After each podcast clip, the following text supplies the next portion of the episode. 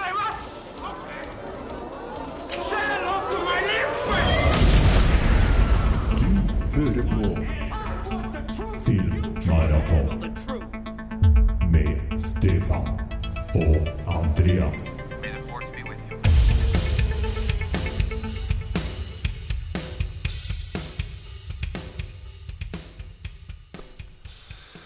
Jeg kjøpte meg en ny radio, Stefan. Hva syns du om den? Ja, jeg fikk jo sett den før vi gikk inn i studio her, og den så jo den så veldig fancy ut. Den er fancy. Det er en eh, Geneva Acoustica Lounge. Det er en DAB pluss-radio. Mm, ja vel. Eh, så jeg vil si at der får du inn alt av radiokanaler, da. I tillegg så har den eh, Bluetooth, så du kan koble på mobiltelefonen din eller en iPad eller noe annet og bruke den som en liten høyttaler òg. Så da har du Du trenger egentlig bare den. Ja, i hvert fall i, et, hvis, rommet blir noe, hvis rommet blir for stort, så duger den jo ikke. Men eh, på kontoret eller den er mer enn bra nok til å kjøre et lite vorspiel med og den. Ja. Eh, så den eh, anbefaler vi veldig. Hvor du får kjøpt den igjen, da, tru? Gå, nei, vi har jo en samarbeidspartner da som heter for uh, Hifi Life. Eh, hvis man går inn på hifilife.no, så finner man den på nettsida der. Det anbefaler vi. Det anbefaler vi. Vi får jo litt rabatter, vi da, selvfølgelig, men den er fortsatt ikke eh, noe avskrekkende pris på den for Nei. dem som ikke får våre gode tilbud, heller. Så det får du vurdere, da, om det blir en julegave til deg sjøl etter hvert, Stefan. Ja, det skal du ikke se bort ifra. Nei. Uh, ja, nei, men da så går vi til podkasten. Det gjør vi. Det gjør vi.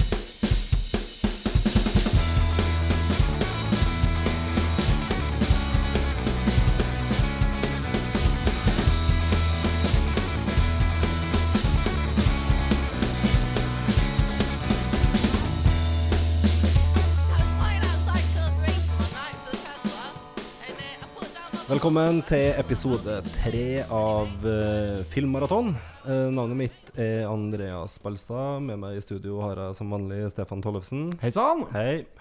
Eh, vi har jo hatt et nytt eh, filmmaraton nå, Stefan. Ja, det har vi. Eh, og som folk eh, hører på de her nye fancy jinglene våre, så er det litt skummelt nå. Ja, det er det. Eh, hvem er det som har lagd de her jinglene, forresten? Jo, det er min eh, gode arbeidskollega Viljar Johannessen, så takk for, takk for de jinglene der. Ja, de har vært bra, de. Mm -hmm. Så det vi skal snakke om i, i, i dag, det er da altså skrekkfilm, eh, og da nærmere bestemt skrekkfilm fra 2018 og 2019. Det stemmer, det. Skrekkfilm, grøsser eller horror, om du vil. Ja, er ikke det egentlig det samme? Jo, det er det, men eh, du, du foretrekker å bruke skrekkfilm. Eh, ja, for så. Vi kommer sikkert til å rote mellom de begrepene i løpet av denne episoden. Ja. Eh, vi venter litt før vi kommer helt dit. Vi må gjennom våre faste spalter først. Uh, og da er det jo litt interessant å snakke om hva vi har sett siden sist vi satt i studio. Mm. Uh, jeg har jo ikke vært på kino siden sist, så derfor går jeg heller faktisk et lite sidesteg til TV. Oh, ja. Og da vil jeg snakke om en av de største satsingene til HBO i høst, som det knytter seg ganske store forventninger rundt. Og det er den her nye serien Watchmen. Ja, ja, ja. Eh, som har hatt piloten sin ute, ute nå, og som kanskje de som hører på denne episoden, har rekt å sett to episoder av. Um, den er jo lagd av en eh, showrunner som heter for Damon Lindeløf, eh, som bl.a. har jobba med Lost og Leftovers og litt forskjellige sånne ting tidligere. Mm. Som nå har da full kontroll over, over det her produktet, produktet her. Eh, det her er jo løst basert på en opprinnelig tegneserie. ja, har du lest den tegneserien? Ja, jeg har lest den flere ganger. Eh, som eh, Alan Moore skrev og ga ut på 1980-tallet. Ja, veldig bra saker skal være Ja, den, den regnes jo som et postmoderne mesterverk som på en måte bryter ned superheltsjangeren og, og ja, kikker litt på hva den egentlig handler om. Og stiller en del sånn interessante spørsmål rundt den. da Hva, hva om Batman var impotent, f.eks.? Eller hva om Lex Luthor faktisk lykkes med planen sin? Ja. Eller uh, hvorfor mister ikke den her guden som Supermann er da bare interessen for jorda og mennesker og det som skjer, skjer der? Um, så Det handler jo ikke, selvfølgelig ikke om akkurat, akkurat de karakterene, men om kan du si, paralleller til dem da, i det her Watchmen-universet. Um, Så den, eh, Det er vel den eneste tegneserien som ble med når man kåra de 100 beste romanene i, eh, i det 20. århundre, ved, ved millenniumsskiftet. Såpass, ja. Så den eh, regnes som et mesterverk. Uh, ble filmatisert av uh, Zack Snyder. Ja, stemmer det. Det er en rundt ti år siden, sikkert. Ja, kanskje har blitt, faktisk blitt enda litt mer enn det òg. Ja. Um, som for så vidt er en sånn relativt bilde for bilde eh, adapsjon av, av originalmaterialet, men som likevel fikk en god del kritikk i sin tid for å ikke helt klare å fange essensen i, i det opprinnelige verket. da. Mm. Jeg så jo den på kino, kommer jeg på. Det er ja, en av, eh, ikke en av de beste kinoopplevelsene jeg hadde, også. Eh, og da gikk det ikke på at folk hadde med seg meieriprodukt eh, ved siden av meg. Det, det gikk mer på at det var en fryktelig liten sal, og Ja. filmen er lang, vet du. Ja. Den er jo en tre og en halv time eller noe. Ok, Du så den cutten med alt? Ja, det, jeg, jeg følte nå i hvert fall at filmen aldri ble ferdig. Sånn. For det ble så trangt og så klamt innpå den lille kinosalen jeg så den på. Så jeg kommer jo på Jeg så den igjen på Blu-ray òg, og da Jeg, syns ennå den var litt langdrygg, også. Ok, ja. Men du har ikke noe forhold til boka eller Nei. serien? Nei. Uh, den her nye serien i hvert fall foregår i Tulsa. Uh, både i et slags sånn moderne, parallelt univers til vår verden, der Robert Redford er president i USA. og Så også- han er med, han, altså. Nei, han er, nei, det er faktisk Robert Redford oh, ja, det- presidenten. uh, men, eh, men det foregår òg under denne rasemassakren i 1921, som er en reell historisk hendelse der ganske store deler av, av Tølsa ble angrepet av ja, Ku Klux Klan, rett og slett. Um, og, og i denne serien i moderne tid òg, så finnes det et slags, noen som kaller seg for The Seventh Cavalry, som er et slags Ku Klux Klan, men som bruker sånne Rorschach-masker som vi kjenner igjen fra originalserien. Eh, mens superheltene i denne serien samarbeider med politiet, da, som må være maskert og inkognito for ikke å rett og slett bare bli trakassert og angrepet av uh, sine motstandere. Jeg har uh, hørt rykter om en politimann i pandakostyme. Stemmer. det, det er det òg. Alle politiene er, er jo maskert, men i større grad uniformert, da, mens du har de her heltene i tillegg som har mer tydelige identiteter.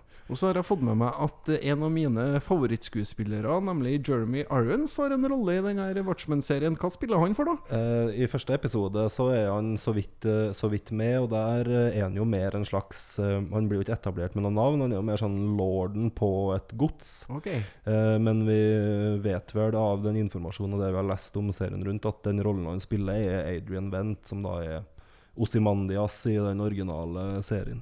En skurk, da? Eller? Ja, det er han som er den her Lex Luthor-aktige ja. karakteren i ja, 'Verdens smarteste mann' Ja. uh, i, i det originale materialet.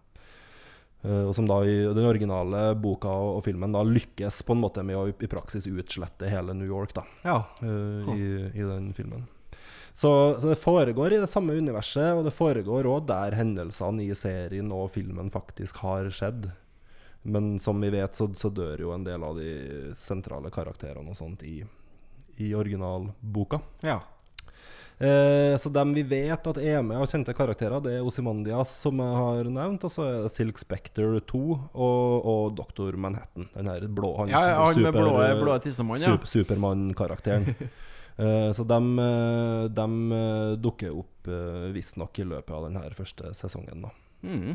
Du har ikke fått sett noe på den her uh, Batwoman-serien? Nei.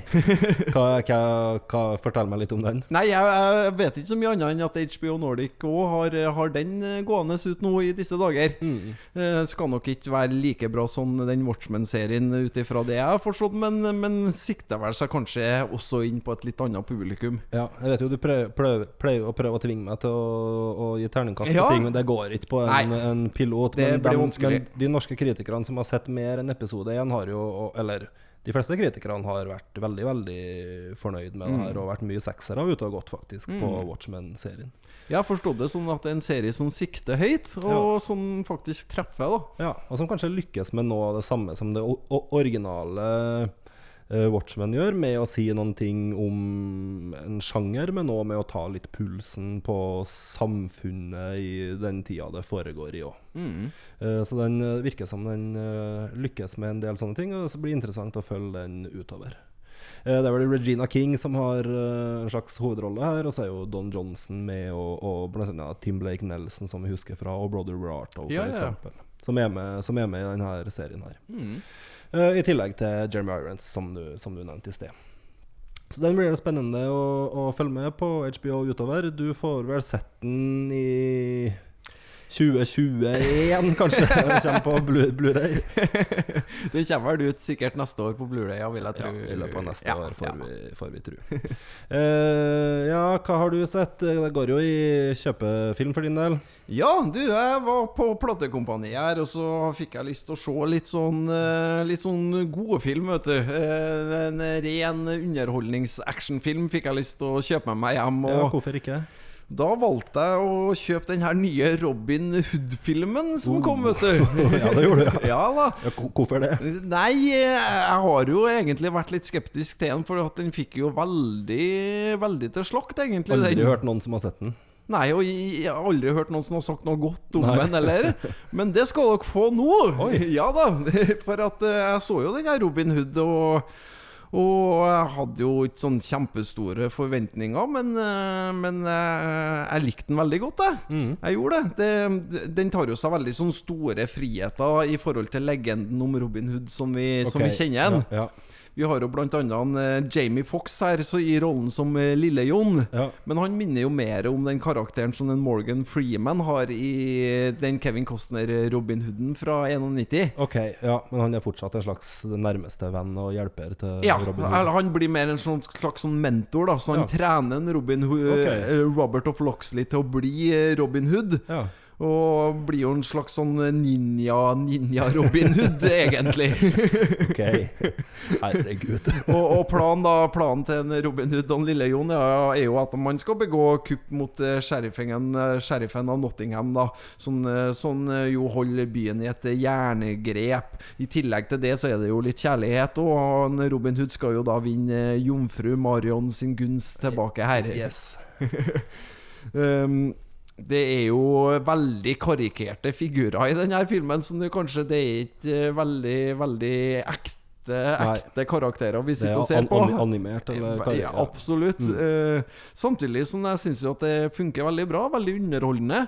I tillegg så har vi jo han gode, gamle F, eh, F. Murray Abraham. Jaha. Han spiller jo rollen som ond kardinal, som, Ja. som står bak han sheriffen av Nottingham, da. Eh, men ellers så er det en del av de her bikarakterene som er, som er veldig flate. Det, det, skal, det må nok sies. Og, og Sherwood-skogen ser vi ingenting til, faktisk, før, før det siste femminuttet. Ok, hvor det foregår den der, da? Det foregår i Nottingham, i byen, byen, ja, sånn, på en måte. Okay, ja. At det er mer sånn ninja-gerilja-Robin Hood i, i Nottingham City. Ok. Eh, Hvorfor, eh, hvorfor likte ikke folk det her, da? Hvorfor floppa det her? Jeg tror folk ikke hadde øh, Folk hadde vel litt andre forventninger til hvilken type film det var, kanskje. Man knytta det mer mot den klassiske Robin Hood-legenden, mens det her er jo egentlig Egentlig en moderne tolkning Altså det Alt, alt av actionscener, kampscener og sånn er moderne. Det, det var jo ikke sånn det foregikk eh, i, i den, den Nei, tida. nei, så så, så man sitter jo og mikser og blander her nye og, nye og gamle stiler her. Um, jeg likte den jo veldig godt, også, fordi, at, uh, fordi at den var, var såpass underholdende. Den har jo ikke noe mye mer å si enn det enn at den er underholdende. Nei, Men noen ganger så er det akkurat det du, det du vil ha. du fikk det du betalte for. Ja. Men de, de, må, de må ha bomma på markedsføringa her, da. Jeg tror kanskje det ligger en del der også. Og, men, men vi har jo gode vi, Det er jo han eh, Hva han heter Taron Egerton som spiller Robin Hood. Eh, Så sånn sett så, så måtte jeg jo fly litt under ei scene her, for da, for da tenkte, kom jeg til å tenke på at det, det er jo faktisk Elton John og, og Ray Charles vi ser som drar og herjer i Nottingham her. Ikke sant? Og Taron Egerton kan jo fort ende opp med å raske med seg en eh, Oscar-nominasjon, i hvert fall for sin eh, rolle i, i, um, Ja. i Rocketman. Mm. Så, ja, så ja. Nei, altså, men eh, Robin Hood, eh, se den også hvis du vil ha, ha en litt sånn hjernedød eh, actionfilm. Ja. Jeg likte den atskillig bedre enn den Robin Hood-filmen som kom i 2010, der Ja. den er Russell Crowe. Ja, den går jo for å være ganske sjarmløs. Den er fryktelig kjedelig, altså. Den, Ja. den tar, jo, tar jo historien altfor alvorlig. Og så i tillegg så er jo alle aktørene sikkert en 20-30 år for gammel. Ja. En 'Tyvenes prins' traff jo egentlig ganske bra på den miksen, da, med Ja. å være både underholdende og Men fortsatt, som du sier, ta den her legenden på, på alvor. Ja, det er jo ikke et mesterverk, 'Tyvenes prins', men det er jo en klasse Det er jo en Moderne, ja, det er en, en VHS-klassiker. Det kan vi godt si. Og den topper jo selvfølgelig ikke den. Nei. Det gjør den ikke. Så, så sånn sett så er det jo fremdeles Kevin Costner som er Robin Hood for min del. Mm. Eh, hva, hva er din favoritt-Robin Hood? Det har jo vært en del eh, opp gjennom årene. Jeg liker best han i Disney, jeg. Ja. Reven. ja, det er Eller, eller Kevin Costner. Men Ja. jeg, husker jo, jeg husker jo Men in Tights, som var den her parodien på, på Robin Hood. Den var jo en underholdende variant på starten av 90-tallet. Mm. ja, Så det er jo en Mel Brooks-klassiker. Ja. Så nei, jeg skal da vel få trilla en terning på Robin Hood òg, og Gjør da blir det noe Vi kan ikke gå over fireren på den, vet du. Det, det blir uforsvarlig. Men en sterk firer, det får han. Okay. Og det en, føler jeg er en litt uh, renvasking etter, etter all den slakten den har fått ellers også. Så Ja. den så er litt ufortjent. Det er i ferd med å bli en trend. Det er da den tredje podkasten du triller din, tre, din tredje firer. Ja, det kommer ikke til å være den siste podkasten jeg triller min firer. f firer. Jeg- er glad. Fin, fin terning, det. Fin terning. Filmmaraton. Um, ja, vi må få med oss litt om hva som skjer på kino i løpet av høsten òg, da. Mm -hmm. uh, vi er jo inne i en litt sånn rar periode nå der det nærmer seg halloween, og det nærmer seg det her juleblockbuster, ja. og det nærmer seg award season. Eller er vi, vi er vel for så vidt inne i award season-fasen òg? Ja, for det er jo vanlig det at uh, Oscar-kandidatene eh, Når man skjønner at man har en Oscar-kandidat på hånd, så pleier man å vente til slutten av året med å lansere dem, sånn at de fremdeles er ferskt i minnet. da Så nå har det vært litt rolig en periode når vi driver og skriver i de her spaltene til, til Facebook-sida vår så om hva som er nytt på kino hver uke, så har det vært sånn én tittel kanskje man har satsa på. Eh, mens eh, det her er jo den første helga på ei stund eh, at, at det var to, tre, fire titler av interesse samtidig. Mm. da har vi jo blant annet Det har jo blant annet Hustlers. det her Wall Street-strippedramaet med Jennifer Lopez. J.Lo. Ja, du har fått med, fått med den? Ja da. Eh, det er jo basert på ei sann historie, det her. eller, ja Ei historie som er fortalt i en reportasje i, New York eh, Magazine. Eh, og som visstnok da baserer seg på, på reelle hendelser fra, fra Wall Street. Eh, det er en film som det er en del award-buss eh, rundt. Eh, blant annet i forhold til om Jennifer Lopez eh, var hen, hennes eh, sjanser her inn mot eh, Golden Globe og, og, og Oscar, snakkes det en del, en Så del det tippes at hun kan bli nominert. Ja, så vidt jeg forstår det nå, så driver de og bestemmer seg for om, om hun skal gå for beste ho kvinnelige hovedrolle eller beste kvinnelige birolle. Ja. At de driver og posisjonerer seg litt i forhold til hvor hun skal Hvor de skal legge inn trøkket i forhold til lobbyvirksomheten sin. da Eh, Så det får vi, får vi se. Men hun er en kandidat der, og filmen kan jo fort finne på å få et eh, nikk, om ikke av Oscar, så i hvert fall fra Golden Globe. Mm. det er Laureen Scafaria som har eh, regi på den. Eh, flere kjente navn her. Lily Ryanhart har jo blitt ei stjerne de siste årene i denne Riverdale-serien, som er basert på Archie-universet. Eh, men vi har jo folk som Cardi B og Julia Stiles og mange store navn som er med, som er med her. Kjempesuksess på, på kino og, og hos kritikere, og en film som kommer til å bli i hvert fall nevnt når man skal begynne å oppsummere eh, filmåret utpå nyåret. Eh, I tillegg så har vi jo oppfølgeren til Zombieland ute den uka her. Ja, den kommer jo Det er jo vel ti år siden at eneren kom. Ja, Den ble jo litt en sånn eh, overraskende hit kanskje på, på kino, og blitt en litt sånn kult, eh, kultfavoritt etterpå. Gjort Den det bra jo, på kjøpefilm og på demand. Den er jo kjempebra, eneren, syns jeg. Den er skikkelig kul. Ja, jeg tror kanskje du liker den bedre enn meg. Jeg syns den, den var litt sånn lett fort sett og lett glemt, på en det, måte. Men, jo eh, da, jeg ser jo den, men, men det har jo bl.a. Metallica i åpningsscenen her, med 'For Whom The Bell Tolls' og sånn, så, og så den der evige jakta på å, Hva heter den der godbiten? Den der sukker... Å Å ja. Oh, og um, eh, Twinkies, de Twinkies er det, ja. ja. Det er jo, eh, det er jo grensel, grenseland mellom action og komedie, det her. Zombier, Mm. skyting og Og gjør jo selvsagt veldig mye narr av alle zombie- zombie-klisjeene som er der ute. Ja. Woody Harrelson og Jesse Eisenberg eh, har to av de store rollene her. De vet vi nå alltid hva vi får av. Mm. De har ikke så mange gir De har ikke så mange ulike gir å spille på dem. Og det her er jo en av de filmene der Woody Harrelson virkelig er Woody Harrelson. Ja. på godt og vondt, altså. Det, Det verste jeg har sett den Hva het het den der katastrofefilmen der han gikk rundt og spiste eh, pickles rett fra glasset? Var det 2012, det? ja, blitt Jeg det tror kanskje det. Men han har gjort, Woody Harrelson har gjort mye bra. Og han Vi liker altså. han også. Ja, ja, ikke noe gærent Ja, han. han hadde Eh, du kunnet hatt maraton på en gang. Ja, kanskje vi skal det? Woody Harrelson, ja. ja, Vi får komme tilbake til det. Eh, men han er nå i hvert fall med her og spiller i praksis seg sjøl, eller den rollen du har sett han har gjort mange ganger før. da Eh, De har med seg Emma Stone, Abigail Breslin, Bill Murray dukker opp her. eh, ja. Hun, eh, ja, for hun Abigail her Hun spilte var vel 11 år Når den første filmen kom, og så er hun 21 nå, så Ja. her har det jo skjedd en uh... ja, Hun slo igjennom rundt den tida der med Little Miss Sunshine. Ja. Som hun vel fakt- faktisk ble Oscar-nominert for som åtteåring, eller noe sånt. da eh, I og med at vi snakker om, om Oscar her. Eh, den tredje filmen som kom nå i, i, i helga, som dere fortsatt da kan se på kino utover uka her, det er biografifilmen om Judy Garland. eh, som er virkelig eh, en av de store beste kvinnelige hovedrollekandidatene, da, med Ja. René Selveger. Og det er jo en sånn sikker stikk der, vet du, og så spiller en, eh, en, eh, gammel musiker, så, så står, du, står du høyt i kurs i, hos akademiet. Ja, så hun har posisjonert seg godt, eh, godt her. Det er Rupert Gould som har eh, regi på den. Han har lagd den her thrilleren True Story med Jonah Hill og James Franco. Ja. Uh, filmen er basert på det her skuespillet End of the Rainbow, som har drevet og gått nå i noen, i noen år. Eh, René Selveger har jo to Oscar-nominasjoner fra før. Hun vant jo for Cold Mountain, beste kvinnelige birolle.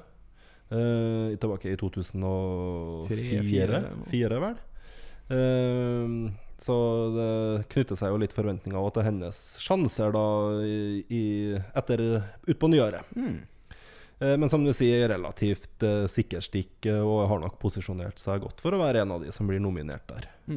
Men det er en film som har fått gode kritikker, og som har vært en publikumssuksess utafor Norge. Ja, og tenker jo kanskje i USA så vil den jo kanskje være enda mer relevant, og der Judy Garland står, står ganske høyt i kurs, da. eh, Ja, og i, Stor og i Storbritannia Ja. vil jeg tro at den eh, er, gjør det kanskje mer interesse rundt Judy Garland enn det, enn det i utgangspunktet er, er i Norge. Ja. Men det er en, brit, en britisk uh, produksjon, det, det her. Um, hvis jeg hoppe litt framover, neste helg, altså 1.11., så kommer jo den her nyinnspillinga av De dødes tjern. Det gjør den, vet du. Eh, det er jo Nini Bull Robsam som har eh, regi på den. Hun har annet lagd 'Hjelp, vi er i filmbransjen' tidligere, da, og den her 'Amnesia' som kom i 2014. Ja. Eh, vi har noen kjente unge sånn Litt up and coming-navn her. ja, det er en Jakob Skøyen han er med, i hvert fall. Ja, og Iben Akeli har jo vært et navn som vi har sett i en del sammenhenger opp igjennom. I tillegg har vi her Sofia Lie. Så det er mer sånn up and coming-navn enn at det er enn at det er hva hva de sier, household names eh, enda, men, uh, men det er interessant å, å, å følge med på det.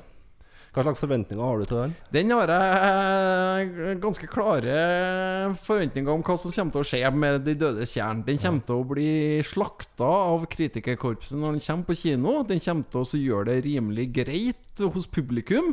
Og så når den kommer på Blu-ray så kommer den til å få en terningkast fire av meg. Okay. Så, så, så, så det er egentlig Jeg er rimelig sikker på at det er sånn, sånn skjebnen til De døde tjern kommer til å være. Ja, Det er legenden om Tore Gruvik. Ja, vi har jo, vi har jo snakka litt om skrekkfilm tidligere, vi, i den aller første episoden av Tidenes dummeste podkast.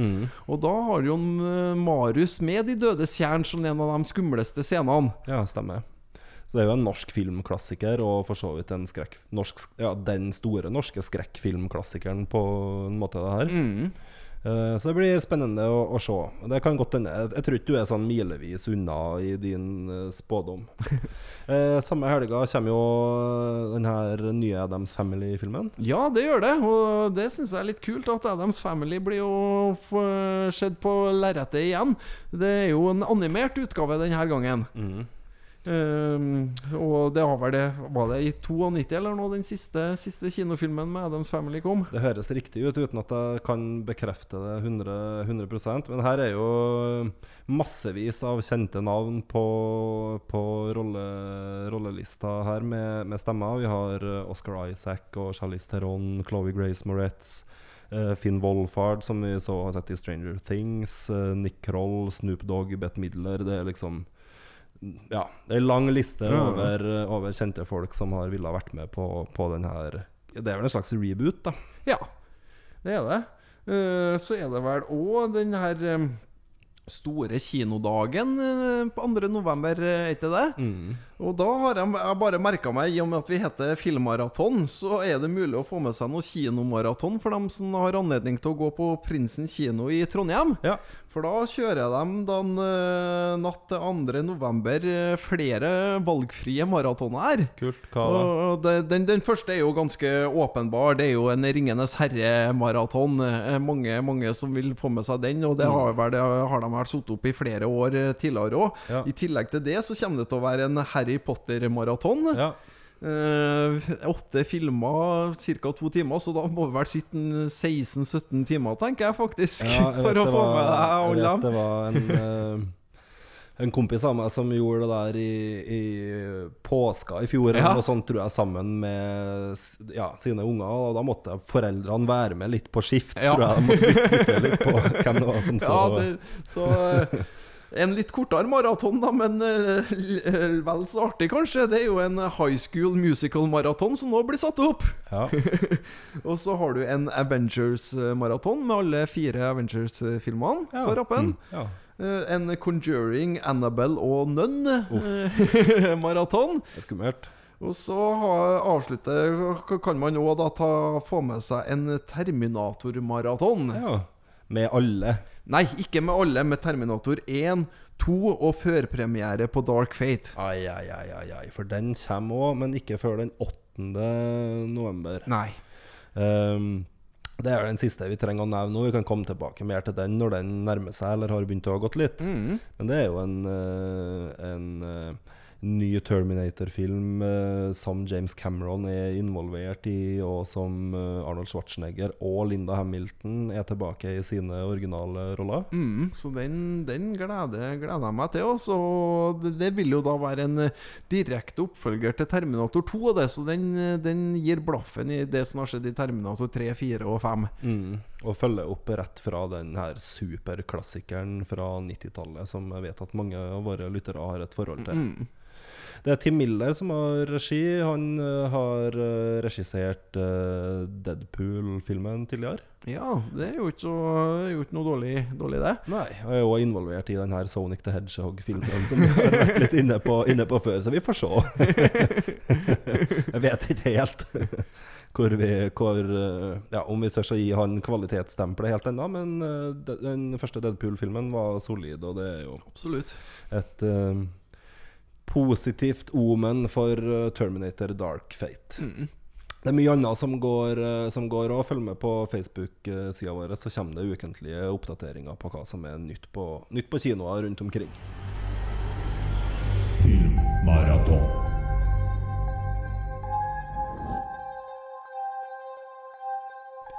Da tenker jeg at vi begynner på eh, det hoveddelen av den episoden her. Og, og, og det er det filmmaratonet vi har hatt i noen uker nå. Ja. Uh, sett uh, Passerte vel 20, 20 filmer som ble eh, sett her, da, innafor skrekk- og horrorsjangeren. Eh, alle sammen fra enten 2018 eller 2019. ja. Så vi prøvde å få, å få oppdatert oss på det nye, nye innen horrorsjangeren. Ja, og målet vårt er å på slutten av eh, de her episodene kunne si noen ting om hva vi mener, eller oppfatter at det er status for denne sjangeren per per i dag. Eh, hadde du noen fordommer, nær sagt, før du, begynte å, før du begynte på det? Nei, det hadde jeg egentlig ikke. Nei. Jeg gikk inn med åpent sinn, og jeg er jo glad i det meste, egentlig, kan være jeg, så eh, Nei, ikke en sånn mye, mye det, altså. Nei, jeg hadde ikke noe klar idé om hvordan sjangeren var. Nei. Eh, det, det jeg beit meg merke i, er jo at, eh, at den her torturporno-subsjangeren, den er vel litt på tur ut. Og kanskje like så greit. Ja, det er jeg helt enig i. Og det er òg kanskje generelt litt mindre slashere enn det var i perioden før der igjen. Men samtidig så er, er de der. Ja, Eh, det er men, men- Men ikke i Kanskje ikke like mange middelmådige slashere som det var en eh, periode. Nei, men jeg tenker også at hvis vi bare skal oppsummere med få ord nå før vi begynner å snakke mer i detalj om, uh, om denne sjangeren, så kan vi vel si at, eh, at sjangeren, hvis det, hvis det er én ting den er, så er det jo, så er det jo si, mangesidig og sammensatt og, og ja, variert. Absolutt. Det er mye, mye, mye og mye bra, syns jeg egentlig òg. Ja. Vi kan komme litt tilbake til, til det, men jeg tror, jeg tror kanskje dem som eh, dem som uh, mener at uh, denne sjangeren ikke kan måle seg med tidligere perioder innenfor eh, horror og skrekkfilm, eh, må vurdere å få sett en del av de her tingene. Absolutt. Helt enig. Eh, hva har forholdet ditt til skrekkfilm vært opp igjennom? Å nei, det har vært eh, kjært forhold til, til skrekkfilm, jeg også. Det, og, så, som vi var inne på i, når vi snakka om skrekkfilm i, i tidenes dummeste podkast, så, så er det jo at de største skrekkopplevelsene, den har man vel allerede hatt. Og det, det, det kjente jeg jo nå, at det var ingen, ingen skrekkfilmer som klarte å vippe meg av pinnen sånn som tidligere skrekkopplevelser har gjort. Eh, samtidig så så koser jeg meg ennå med skrekkfilm. Altså. Det, det kan være på flere plan. Det kan være at du ser en jævla god film samtidig òg. og det kan òg være at jeg er jo glad bare å filme der det kanskje bare handler om å ha mest mulig underholdende drap og, og sånn. For det handler jo delvis om det. Handler jo delvis om det. Eh, samtidig så må jeg jo kanskje si at for min del så er det jo fortsatt Man, man jakter jo det her eh, opplevelsene enda, tenker jeg, der man ligger i sofaen og, spre ja, Ja, ja, og spreller, da, eller faktisk er nødt til å se bort eller ta en pause fordi det blir så skummelt og, og intenst. Mm. Og Det har, vi, har jeg så vidt hatt i løpet av denne perioden her, men jeg er jo for så vidt enig med deg i at det er noe man nat mer naturlig fikk, fikk før. Mm.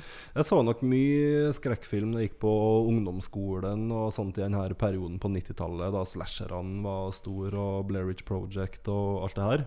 Ja, vi, vi, vi, vi fikk jo en god periode egentlig på, på slutten av 90-tallet her med Skrik og Fryktens sommer og, og, og Blair Witch og Mm.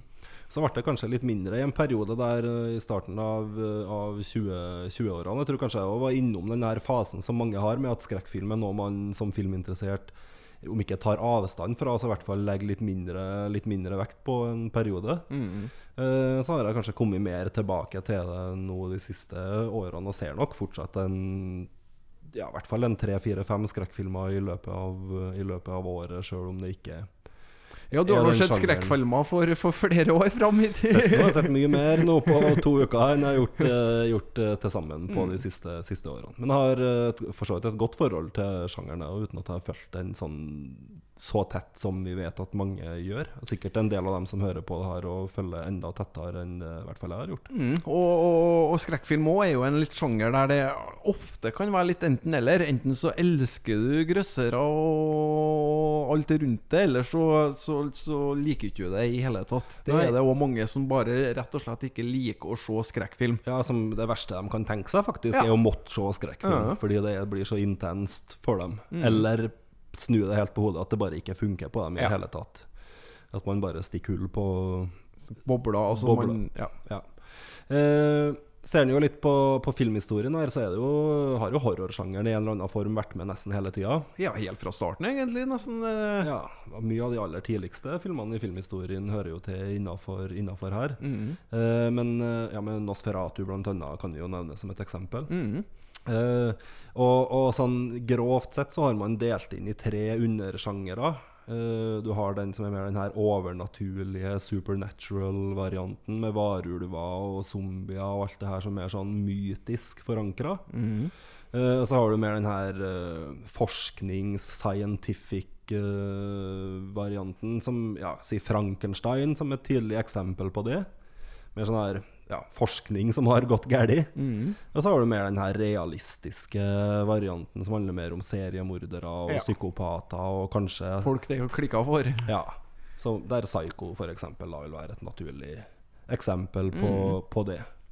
Uh, så i grovt sett så kan man nok fortsatt forholde seg til de kategoriene der, men så har vi jo sett at det her er en sjanger som etter hvert er så sammensatt at man drar inn alle mulige andre element i tillegg til det her. Ikke sant? Uh, Alien, er det en science fiction-film, eller er det en eh, horrorfilm? Det er en, jeg vil si at det er en horrorfilm, men det er jo en science fiction-film. Mm. Uh, og, et, og et supereksempel på det som Blake Snyder kaller for monster in the house-sjangeren. Uh, som kanskje er den eldste og mest primale nærmest av alle historier, ikke sant? som absolutt alle kan, kan forstå. Eh, som han, jeg tror han sammenligner nesten med at det her er en historie som huleboere kunne ha relatert seg til, fordi det handler om å hvis, at nå prøv, altså, noen prøver å drepe deg, og hvis, Ja. du ikke, eh, og hvis du ikke klarer å komme deg unna eller drepe dem, så er du ferdig. Ikke sant? Så det, det appellerer til en sånn helt sånn urinstinkt i oss som, det, som det utløser. Ifølge Blake Snyder så trenger det tre ting. Det trenger et monster. Det trenger et hus. I forståelsen av et avgrensa område som handlinga foregår på. Og det trenger noen mennesker som desperat prøver å drepe det her monsteret. Ja.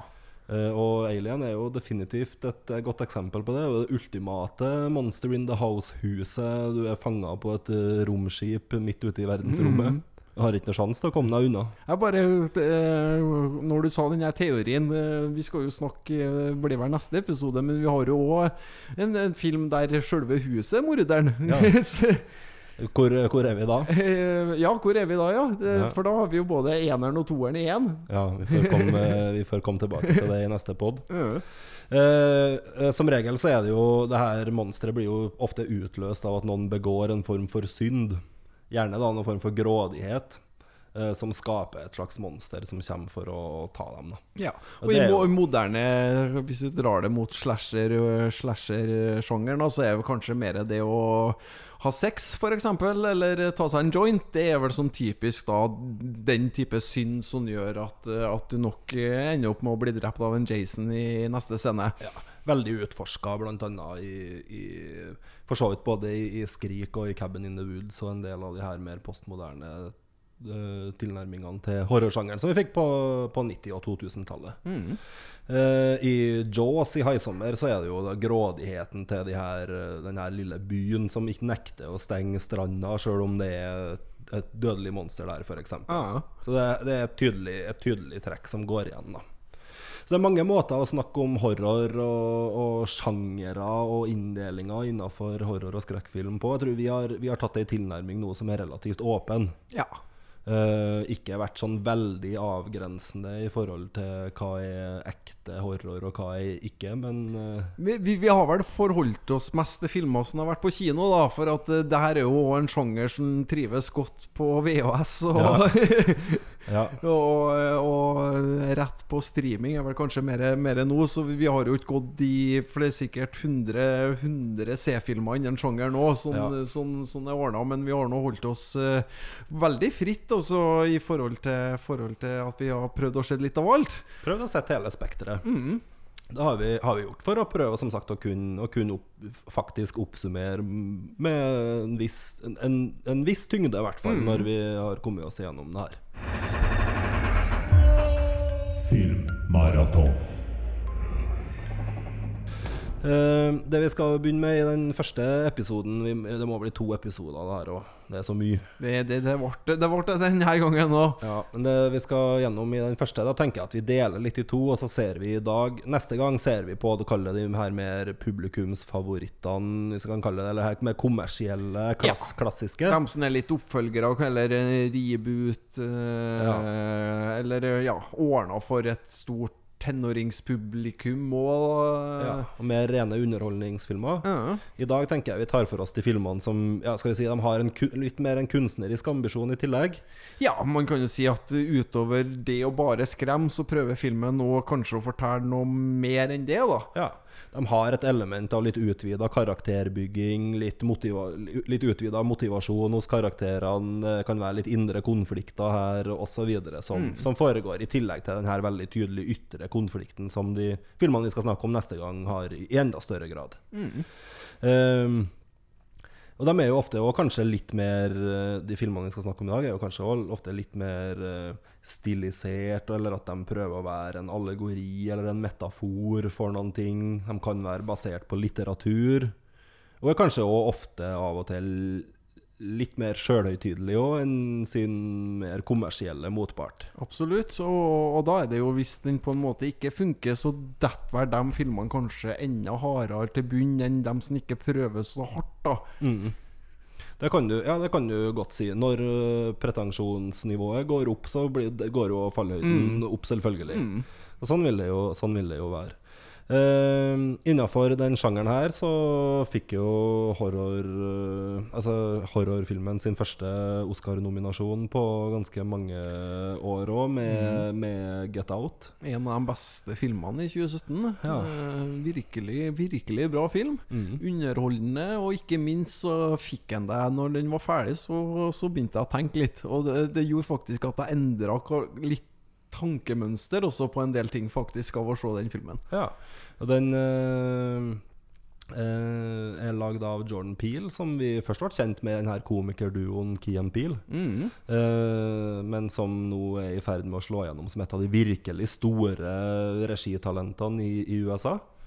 Fordi eh, den filmen vi har sett på nå som er naturlig å, å snakke om, som kom i, i fjor, vel? Ja. Nei, eller kom den, den kom så Den kom vidt, i år. den kom så vidt i år. Ja. Eh, det er jo Us. ja. Den har du sett. Den har jeg fått sett, vet du. Ja, Hva slags type film er det? Nei, det er jo litt sånn, sånn du Det er jo en skrekkfilm. Ja. eh, Men samtidig så har den jo noen sosiale kommentarer eh, samtidig òg, som Mm. man kan også lese, lese ganske tydelig ut av en. Ja. De grove trekkene her, så er det en, eh, en eh, afroamerikansk familie som leier et sommerhus eh, en eller annen plass på Blir det på østkysten i USA? Ja, det er en, en eller annen plass i hvert fall. Ja, husker ikke om det blir sagt helt hvor de er. Eh, men som da etter hvert blir eh, invadert, nærmest da av noen kloner av seg sjøl. Det er jo nettopp det, at de er- ser helt likens ut, bare at de er litt mer sånn forvridd og forvrengt i ansiktet allikevel, da. Ja, og har nok deler nok ikke personlighet nødvendigvis med, med våre helter i den filmen her, da. De er nok litt, litt mørkere til sinns, de klonene. Ja. Eh, og de her klonene eh, Det blir jo en kamp på liv og død det her etter hvert. Og, og de her klonene prøver jo etter hvert å ta over verden, mer eller mindre, gjør de ikke? Eh, Ja, Invadere. Mm. Hvorfor er den filmen her så god? Eh, Den er god fordi at den eh, er, fungerer på et underholdende plan. Mm. Eh, Det, det er viktig det når jeg ser en film at jeg ikke begynner å kjede meg. Ja. Eh, Den eh, får deg som Get Out til å tenke litt videre utafra på, på verden ellers. Også, ja altså den klarer å ta noe med ver vår verden i dag på mm. kornet. Og så er det der en film som eh, er helt avhengig av at de som spiller, er, spiller veldig godt, og det gjør de. Mm. For de spiller jo to roller, eh, skuespillerne, og, og det funker veldig bra. Hvis det ikke hadde funka, så hadde den fort kunnet dotte sammen. Særlig Lupita Nyong'o, som Mm. bærer det her, som Ja. er den kvinnelige protagonisten Mm, i, vi- i filmen. Vi skjønner jo det er jo noe spesielt med hun, og hun har jo hatt et møte tidligere der, og Mm. Eh, veldig, veldig god. Jeg har den høyt på min topp ti-liste så langt i år. Ja, det er vel en av filmene vi begge har på topp Kanskje, kanskje den eneste. Eller hadde nei, kanskje begge hadde, hadde Avengers òg. Ja, hadde du det? Ja. Ja. ja. Men i hvert fall eh, Ja, Us er en film vi begge to har, har likt godt og, og anbefaler. Delte jo publikum litt når den eh, kom på kino. Og vil nok ikke se at den har de samme ratingene rundt omkring på sånne filmsider som f.eks. Get Out uh, hadde, men jeg, jeg mener at den her er minst like god. Jeg er litt uenig. Jeg syns Get Out blir hakket hvassere. Ja. Den gjør det tross alt for min del, men, men eh, ikke sånn kjempemye, også. Så den er ikke, og det er ikke til forkleinelse til oss. Det, øst det går jo mer på at Get Out var bare så jævla bra. Ja, den er veldig, veldig bra. Uh, og det Øss prøver å si noen ting om i, i denne kommentaren sin, det er vel vanskelig å sette helt 100% fingeren på, men det handler jo noen ting om hvordan massemedia og populærkulturen på en måte har appropriert den afroamerikanske kulturen og identiteten i noen grad. Mm, og tittelen er nok heller ikke helt tilfeldig. Du kan lese en sånn Øss, men du kan også lese en sånn US. Så den, eh, den, jeg syns den treffer på mye av det den prøver å gjøre. Og så vet jeg at det har vært eh, diskusjoner rundt, rundt akkurat, akkurat det, men jeg syns den er veldig, veldig god. Mm, enig. Og en av de filmene vi absolutt anbefaler folk å, å se fra i, i år. En klinkende femmer. Eller er det oppå sekseren? Ja, hva var det, kanskje? Jeg tror jeg er det. Men eh, ja, nei, det er ikke så nøye. Eh, I tillegg eh, så har vi jo sett litt andre, andre ting. Det kom jo en nyinnspilling av eh, Suspiria. Ja, Eh, det gjorde det. En innspilling av den gamle klassikeren av Dario Argento. Ja. Eh, det her er jo hekser i Tyskland på 70-tallet. Eh, det, handler, det handler om eh, en film som fikk veldig mye oppmerksomhet eh, rundt seg, men som kanskje òg delt publikum litt da den kom. Det var vel ei sånn spesiell scene der som fikk veldig mye oppmerksomhet uh, rundt lansering, kommer jeg på. Ja. Det, var, det var noe der uh, det meste av bein og sånn knekkes på en unaturlig måte. Eh, Ja, den er ubehagelig. Eh, det er Luca Guadag Guadagnino som har, eh, som har eh, hatt regien på den, som eh, slo gjennom noe Eller har egentlig vært en aktør lenge, men som virkelig slo gjennom med 'Call Me By Your Name' for et år eller to siden. I 17, vel. Eh, og som er en av de her store Kall det Arthouse-regissørene som er på, fortsatt er på vei, på vei opp. Eh, det som er spesielt med den filmen, her er jo at Tilda Swinton spiller i hvert fall tre roller i den. og det var litt sånn hemmelighetsbøss rundt òg. Ville liksom ikke innrømme at det var hun som spilte den gamle professoren. Nei. Eh, som, og var i utgangspunktet heller ikke kreditert for den rollen. Nei, det, men det, har- det er for de fant på et navn nå som spiller liksom uh. Ja, at det var en tysk, gammel tysk mann som ingen hadde hørt om. Så det var, de, de gjorde mye sånn rart rundt den for å skape noe mystikk rundt den og, og sånne, type, sånne type ting. Uh, det, jeg syns den er god. Jeg likte den, eh, jeg likte den ganske godt. Den er litt lang, den er to og en halv time. Det er fristende å si at det her kunne man greid å fortalt på to timer. Eh, men den har både mye Den har mye bilder som blir med deg i hodet litt en stund etterpå, og den eh, lykkes ganske langt på vei med å lage ei litt ekkel og guffen stemning. Så tar det jo litt av, da, uh, som det gjør i den originale Suspiria Suspiria òg. Du har Men, sett den eh, originale? Jeg har sett, eh, ja, jeg har sett den originale. Uh, og de deler ikke sånn veldig, veldig mange Altså De tar nok en god del ganske ulike valg. Blant annet med den her karakteren som introduseres i, i den her nyinnspillinga, som er den her gamle professoren som fungerer som en slags sånn outsider En som er på utsida av det her miljøet. Som ikke eksisterer i det hele tatt i, i, i originalen.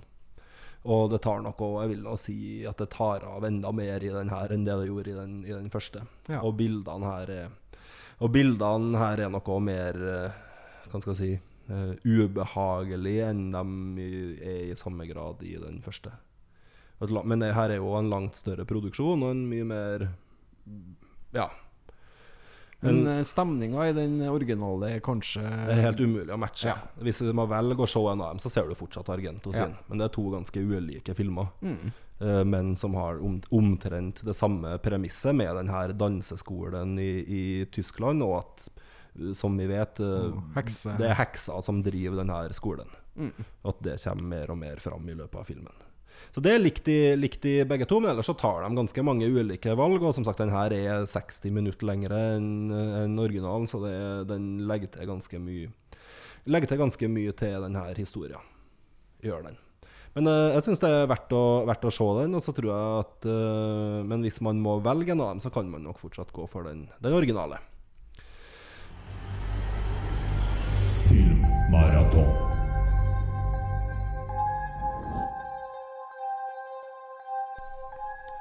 Skal vi snakke litt om A Quiet Place? Vi kan jo nevne den sånn kjapt, i hvert fall. Ja, hva slags film er det? Nei, det er nå en film der man må prøve å holde litt uh, være stille og rolig, da. Ellers så kommer det noe aliens. Er det det som er skal monstre? Ja, det er jo en slags eh, monster eller, eh, eller aliens her, ja. Det er jo John Krasinski fra The Office som har laget den filmen her.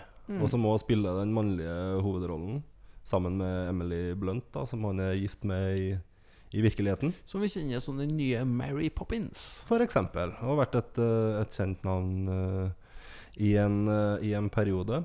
Uh, det her er jo en, var jo en stor kritikerfavoritt, som gjorde det ganske bra på, på kino når den gikk i fjor. Mm. Uh, men òg veldig spesiell i forhold til hvordan den bruker lyd, som vi har snakka litt om før og i skrekkfilm. Ja, det er det. Ehm, samtidig så, så var det vanskelig for meg å ikke sammenligne med en film som kom året før, som het eh, Don't Breathe. Mhm. Jeg vet ikke om du har sett den? Den har jeg ikke sett. Eh, Den er jo så Den er jo artig bedre, syns jeg. Du liker den bedre? Ja. Ja. eh, Så, så derfor hadde jeg forventninger om at A Quiet Place kom til å måle seg på en måte med den eh, Don't Breathe. da Ja. Men, men det, det, det syns ikke den gjorde. Nei, for den, den her er jo veldig lavmælt og har et lavt tempo, og så eks eksploderer den av og til i noen sånne scener med ja, Kall det mer voldelige scener, men òg mer actionfylte og, og lydfylte scener. da Der den er veldig stille og rolig og lavmælt, og så på en måte mer får de her eksplosjonene, nærmest. Hva er ulikt med i, i Don't Breathe? Don't Breathe er bare bedre. Den, for der har du en, eh, en døv og eh, En døv og blind mann da som er, som er skurken. For det, altså det handler egentlig bare om en gjeng som skal bryte seg inn i et hus. Så Der de har hørt at det er store verdier, men så kommer de da i, hos en eh, mann som har trent opp hørselen sin så gæli. Eh, Så at alt man, alt man eh, rører på, da blir hørt. OK. Eh, og jeg syns det funka så mye bedre enn enn de alienene, da. Ja. En, eh, for, men hvis jeg ikke hadde sett Don't Breathe først, så tror jeg kanskje A Quiet Place hadde stått enda høyere i kurs. Men jeg ble bare sittende og tenke på faen, eh, den Don't Breathe var bedre. Ok, Jeg likte Quiet Place ganske godt, men så det kan nok godt hende at du er inne på noen ting der. Jeg syns den var solid og lyktes, lyktes det- godt med veldig mye av det den prøvde å gjøre. da Ja, ja, for, det, for det, det var på en måte det grepet som er veldig smart. Det hadde jeg på en måte nettopp sett i, en, i, en, i, i en annen film. Men, eh, men eh, for all del, jeg gir den en helt klar eh, strøken firer, altså. Det er Du likte den, likte den ganske godt. Ja, ja, ja. Uh, vi har sett Velvet eh, òg. Jeg tror ikke vi snakker så mye om, om den. Vi har sett The Hole in the Ground, som er en irsk, eh, en irsk eh, film som, var, som er god. Anbefaler den. Jeg Tror ikke vi snakker så mye mer om den heller. Men en film jeg har lyst til å snakke om, det er Hereditary. Ja. Eh, og det I samme slengen så er det vanskelig å komme utenom 'Midtsommer'. Begge to er lagd av uh, en som heter for Ari Aster. Ja, han er jo ikke så gammel heller. Han er jo faktisk et par år, par år yngre enn oss, og Ja. han har jo fått til ganske mye på, i sin unge, unge, unge alder. Ja, ikke la det gå inn på deg. Men uh, men eh, han er definitivt et stort talent med en veldig god feeling for skrekk. Ja, det det, det kan vi si. Ja. Hereditary og Tony Collette uh, i hovedrollen. Hva, hva handler den om? Mm, eh, Nei, hva den handler om? Det handler jo om at uh, mora til Tony Collette da, hun dør. eh, familiens overhode, på en måte. Eh, og, men det er jo noe Var jo et eller annet med hun mora der som, eh, som skurrer. Ja. Og det var jo også noe mellom forholdet mellom både mor eh, og datter og barnebarn der sånn på en måte Hva, hva er egentlig det her? Og det, det finner vi jo ut ettersom man ser filmen, da. Ja. Gabriel Byrne spiller Tony Collette sin mann, og de har òg en eh, datter og en sønn Ja. i denne familien. Og, og, veldig, og veldig mye av kjernen i denne filmen her handler jo om drama mellom dem. Ja, det, det, det, er, jo, altså, det er jo i bunn og grunn en, en, en familietragediedrama, egentlig. Og den bruker veldig lang tid på å bli skummel. Ja. Altså, og, og hvis du ikke ser den under de rette omstendighetene, og gir den på en måte den tida og konsentrasjon den trenger, da, så, så vil den nok ikke oppleves skummel i det hele tatt. Nei, et, men samtidig så tror jeg at det er vanskelig å unngå å ikke bli litt prega av den siste halvtimen uh, her. For det her er jo en av de filmene vi så nå som jeg syns at er genuint skummel i perioder. da Ja, den, At, uh, det er nok den som nærmer seg litt, men samtidig så, så, så Altså, det er jo veldig lite grafik Grafisk skummelt. Ja. Eh, Så, så det er jo hele den der at du faktisk må ha fulgt med godt på filmen da før det faktisk slår ut og blir skummelt. Mm. Hvis du ser den sånn i dagslys mens du, eh, mens du vasker koppene litt sånn samtidig, da, da blir ikke den filmen noe skummel. Nei, den krever, krever oppmerksomheten din. Mm. Den gjør det, men eh, det er helt klart verdt det å, å gi, den, gi den det. Den payoffen man får på, på slutten der, eh, den, eh, er, den er verdt det. Ja, helt klart, også. Og, og det er veldig veldig godt eh, skuespill, og, og Ja. jevnt over godt, skri godt skrevet. burde jo Tony Collette burde jo ha fått seg en Oscar-nominasjon for den rollen der, tenker jeg da. Jeg Ja. den er Ja, den Ja, er hun, kjempe bærer, hun bærer det, og er, og, og er, et, ja, er en veldig veldig sterk uh -huh. skuespiller. Eh, hun var nok eh, blant de navnene som ble nevnt. Men eh, det, det var nok kanskje det at det var i horrorsjangeren som gjorde, som gjorde akkurat at jeg ikke ble nominert, vil jeg tro. Ja, og handler litt om hvilke filmer produksjonsselskapene velger, og studioene velger å satse på, og sånne, sånne ting også. Der en, en horrorfilm nok må være ja, Hvis et av de store studioene har, har bare en horrorfilm et år, så vil man jo se dem bli løfta opp på en annen måte enn de kanskje blir ofte ellers. Eh, og det blir jo spennende å se hva som skjer da med Ari Aster sin andre film nå, med 'Midtsommer'. eh, som var en kjempehit på kino i sommer. Eh, og som eh, gjør nøyaktig det du var litt inne på i stad, med at hele filmen foregår i fullt dagslys. Ja. Eh, som er bare å snu sjangerkonvensjon nummer én på hodet. da. mm. her, det her, jo- her ser vi alt, og her får vi med oss alle detaljer. Her er det ingen som kan gjemme seg i noe mørke skygger eller noen busker. Her er alt out in the open. Jeg har jo ikke fått sett den eh, 'Midtsommer'. Den har ikke kommet på Blu-ray riktig ennå. Den vel, kommer vel neste uke, tror jeg. Mm. Men jeg har fått sett traileren, og det første som slo meg, at jøss, det her minner meg om den gode, gamle The Wicker Man. Den har nok noen eh, likhetstrekk med det, men der, eh, der du har de her, eh, den outsideren som kommer utafra og inn i, et, mm. inn i et veldig lukka miljø. Som kult, eh, nærmest. Da fikk jeg nå feelingen at det er. Ja. Og at de gjerne kan ty til litt sang og dans og oppi det hele, som bare gjør det kanskje enda mer creepy. Ja, for Midtsommer foregår jo i Sverige. Det er midtsommerfeiring og dans rundt maistanga og det, det ene og det andre. Og så skjønner man jo etter hvert at her er det noen ting som er virkelig ute og, ute og kjører, da. Mm. Uh, jeg syns den òg var veldig god. Jeg syns det er vanskelig å skille sånn kvalitetsmessig mellom den og Hereditary. Det er to litt ulike filmer, men, men tempoet, stemninga, er nok ikke helt uh, ulik. Nei. Man kjenner igjen at det er Ari Aster-filmer, begge, begge to. Mm. Og er god på veldig mye av det samme. Og, og sjøl om både Hereditary og, og Midsommar, eh, begge to, er, er veldig trygt forankra innafor uh, horrorkonvensjonene, for ikke å si klisjeene, i, i, noen, i noen grad, så, så, så inneholder begge òg bilder som jeg garanterer at du ikke har sett før i skrekkfilm. Mm. Gjør noen ting som er ja, eller vanskelig å garantere, da, men begge gjør ting som, er, som er, føles nytt og, og, og litt annerledes enn ting vi har sett en haug med ganger før.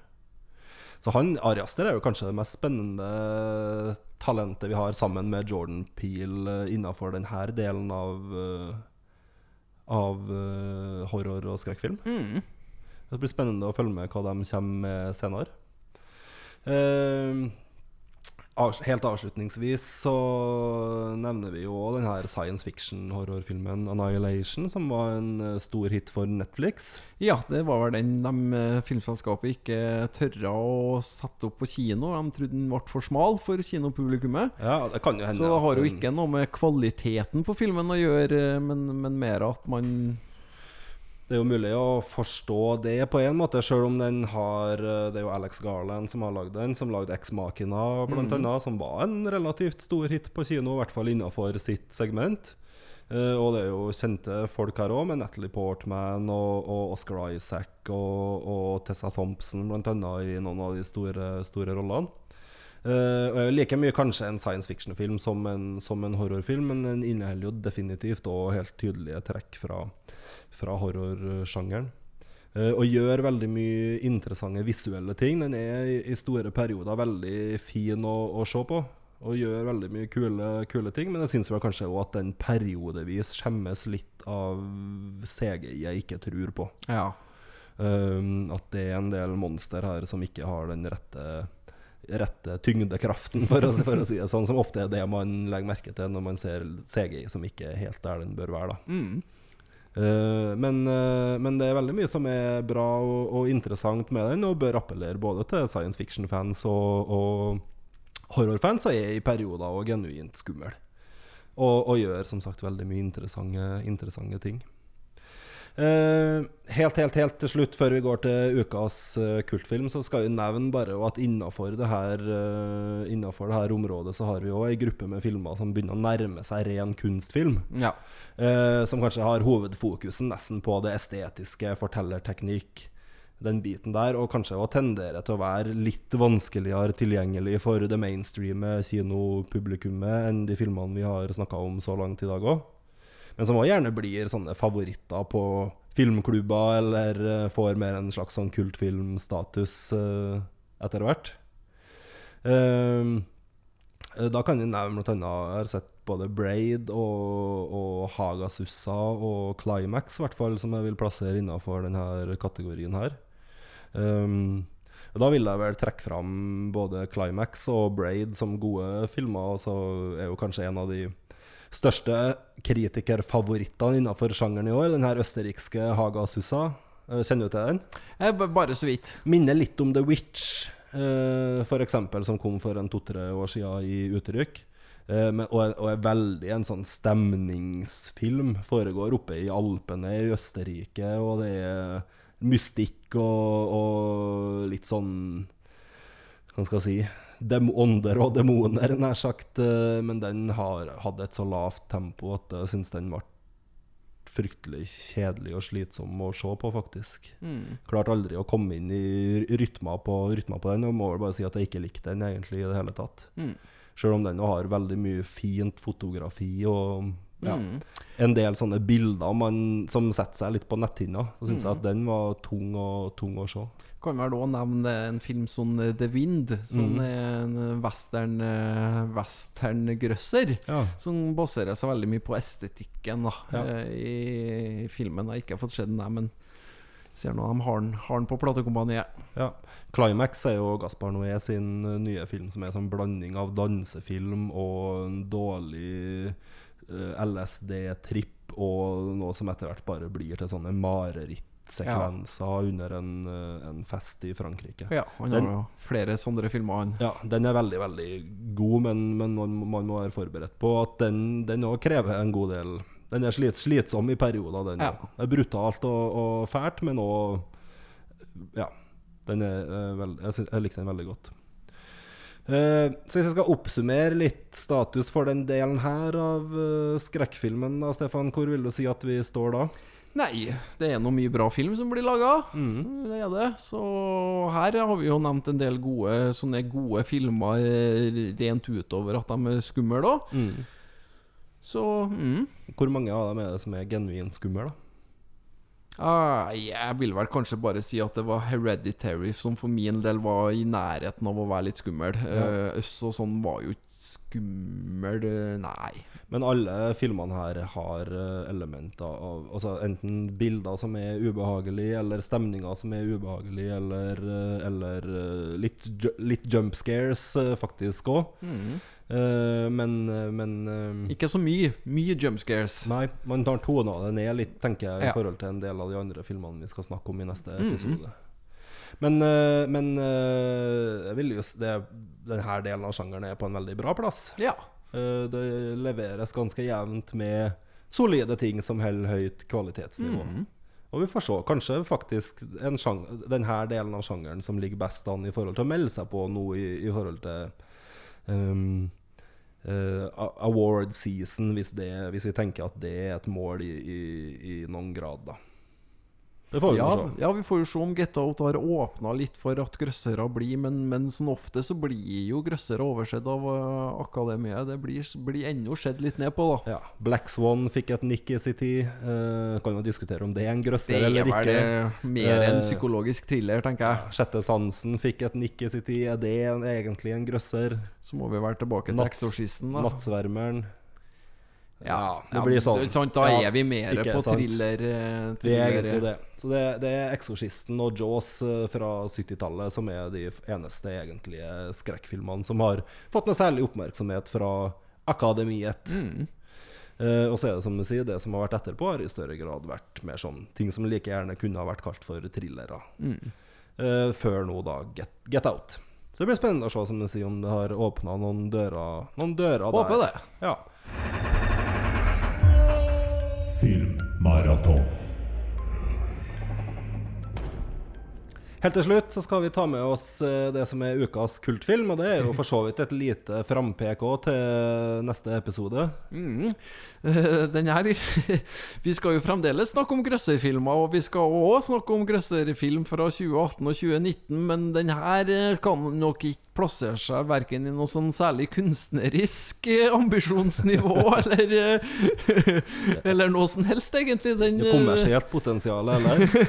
det har den vel, for så vidt. Eh, Den har, og eh, selv om denne filmen kom i 2019, så vil jeg allerede nå plassere den her som en eh, kultfilm. For den, den er jo egentlig fryktelig dårlig, samtidig som den er fryktelig underholdende.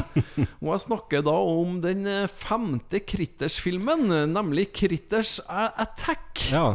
Som Hva kom nå. Hvem er Critters? Critters vet du, det er jo en eh, filmserie som starta på 80-tallet, som er på en måte den her litt slemme storebroren til Gremlins. Mm. Som er de her hårballene som kommer fra verdensrommet, som har veldig skarpe tenner. Ja. Og særlig de to første er jo, er jo De liker jeg veldig godt. Skikkelig sånn eh, 80-talls eh, godfilmer. Og så har du fortsatt dem litt på 90-tallet med Critters 3. Er jo kjent bl.a. for at det er en av de første filmene med Leonardo DiCaprio. Eh, og så har du Critters 4, der de, eh, som de ofte gjør i sånne filmserier, når man begynner å gå tom for ideer, at da må man sende karakterene out in space. så da er det Critters og Angela Bassett på romskip. Vi- Vi bruker jo av og til det her begrepet VHS-klassiker, men her er jo mer VHS-kultklassikere. ja. Er det jo. Men du vil si at den her eh, føyer seg inn i rekka? Absolutt. Den her kunne ha vært gitt ut på VHS, den skjønner du, på 80-tallet. Ja, ja. Eh, jeg har jo sjekka litt eh, rundt den. Den har jo en IMDb-rating på 3,7. Det holder nå snittet i denne spalten, da. Det gjør jo det. Det er karakterene som er med. De er dårlig spilt. De er fryktelig lite engasjerende. Det er noen pappfigurer uten like. Men det de skal ha en stor pluss for, er jo at de har virkelig lagt ned godt arbeid i å ordne de her kritterne. Ja. Og da har man gått tilbake til som man gjorde det på 80-tallet, at, det at det er roboter, at det er okay, ja. ekte effekter, det er ikke CGI i det hele tatt. Pluss for det. Veldig pluss for det. Mm. Eh, og, og i tillegg så har man jo lagt på et eh, jævla tøft 80-talls uh, synt-soundtrack. okay, ja. så det passer jo godt inn.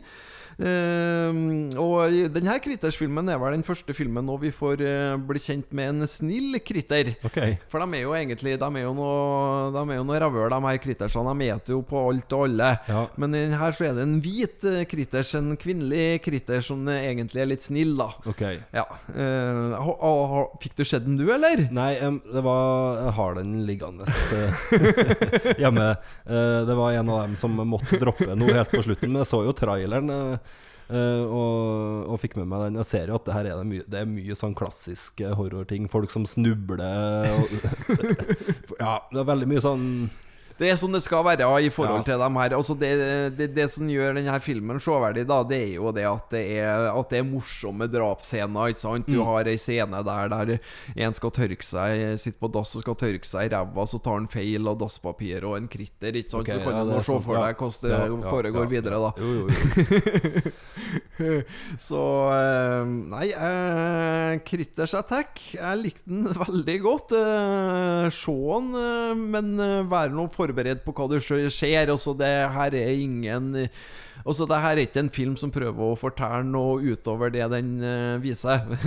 Så for dem, som, uh, for dem som ikke har hørt på oss før, så må vi vel si at når du kommer til å trille terningkastet ditt nå, så må de muligens trekke fra to, to prikker ja. på det terningkastet du Ja, triller nå. ja, ja, så den, den får en, en, en kultterningkast eh, fem. Ja, Oi! Oi. Oi, oi. Så Ja, se bra. Eh, Den, eh, det er en svak femmer, da, og det er grunnen til at det skulle veldig lite til for at man har fått denne historien ellers i filmen til å funke litt grann bedre. Bare, tynn, bare tynn suppe. bitte, bitte lite grann innsats fra manusforfatterens side og regissørens side. Hvordan er så- nivået på replikkene her, da? Å ja, det er det, det er på det, Det er som du tror det? Ja, det er som du tror det. Ja. Ja visst. Men uh, kritters Attack, og ikke minst hvor artig det var å få en kritters film på, på video igjen. Ja. Uh, gode tider for kritters-fansen der. Og for så vidt også, som vi sier, et lite frampek til, til de titlene vi skal snakke om neste uke, selv om de nok holder et uh, klart uh, høyere nivå Det gjør de. En, Det gjør de. En, enn den Men at det kan være eh, titler som på en måte òg er basert på ting som var populært på 80-tallet, det kommer vi nok til å komme innom. Helt sikkert. Ja, nei, men da runder vi av eh, episode tre av eh, Filmmaraton. Ja. Eh, kommer vi tilbake om ei eh, ukes tid, og da skal vi som sagt se på den her mer kommersielle delen av skrekkfilmene i 2018 og 2019, og prøve å komme med ei lita oppsummering av hvor vi mener det her sjangeren står i sum. ja. Ok, men da sier vi takk for oss i denne runden her, da. Og er vi tilbake om ei, om ei lita uke. Yes. Ha det bra. Ha det.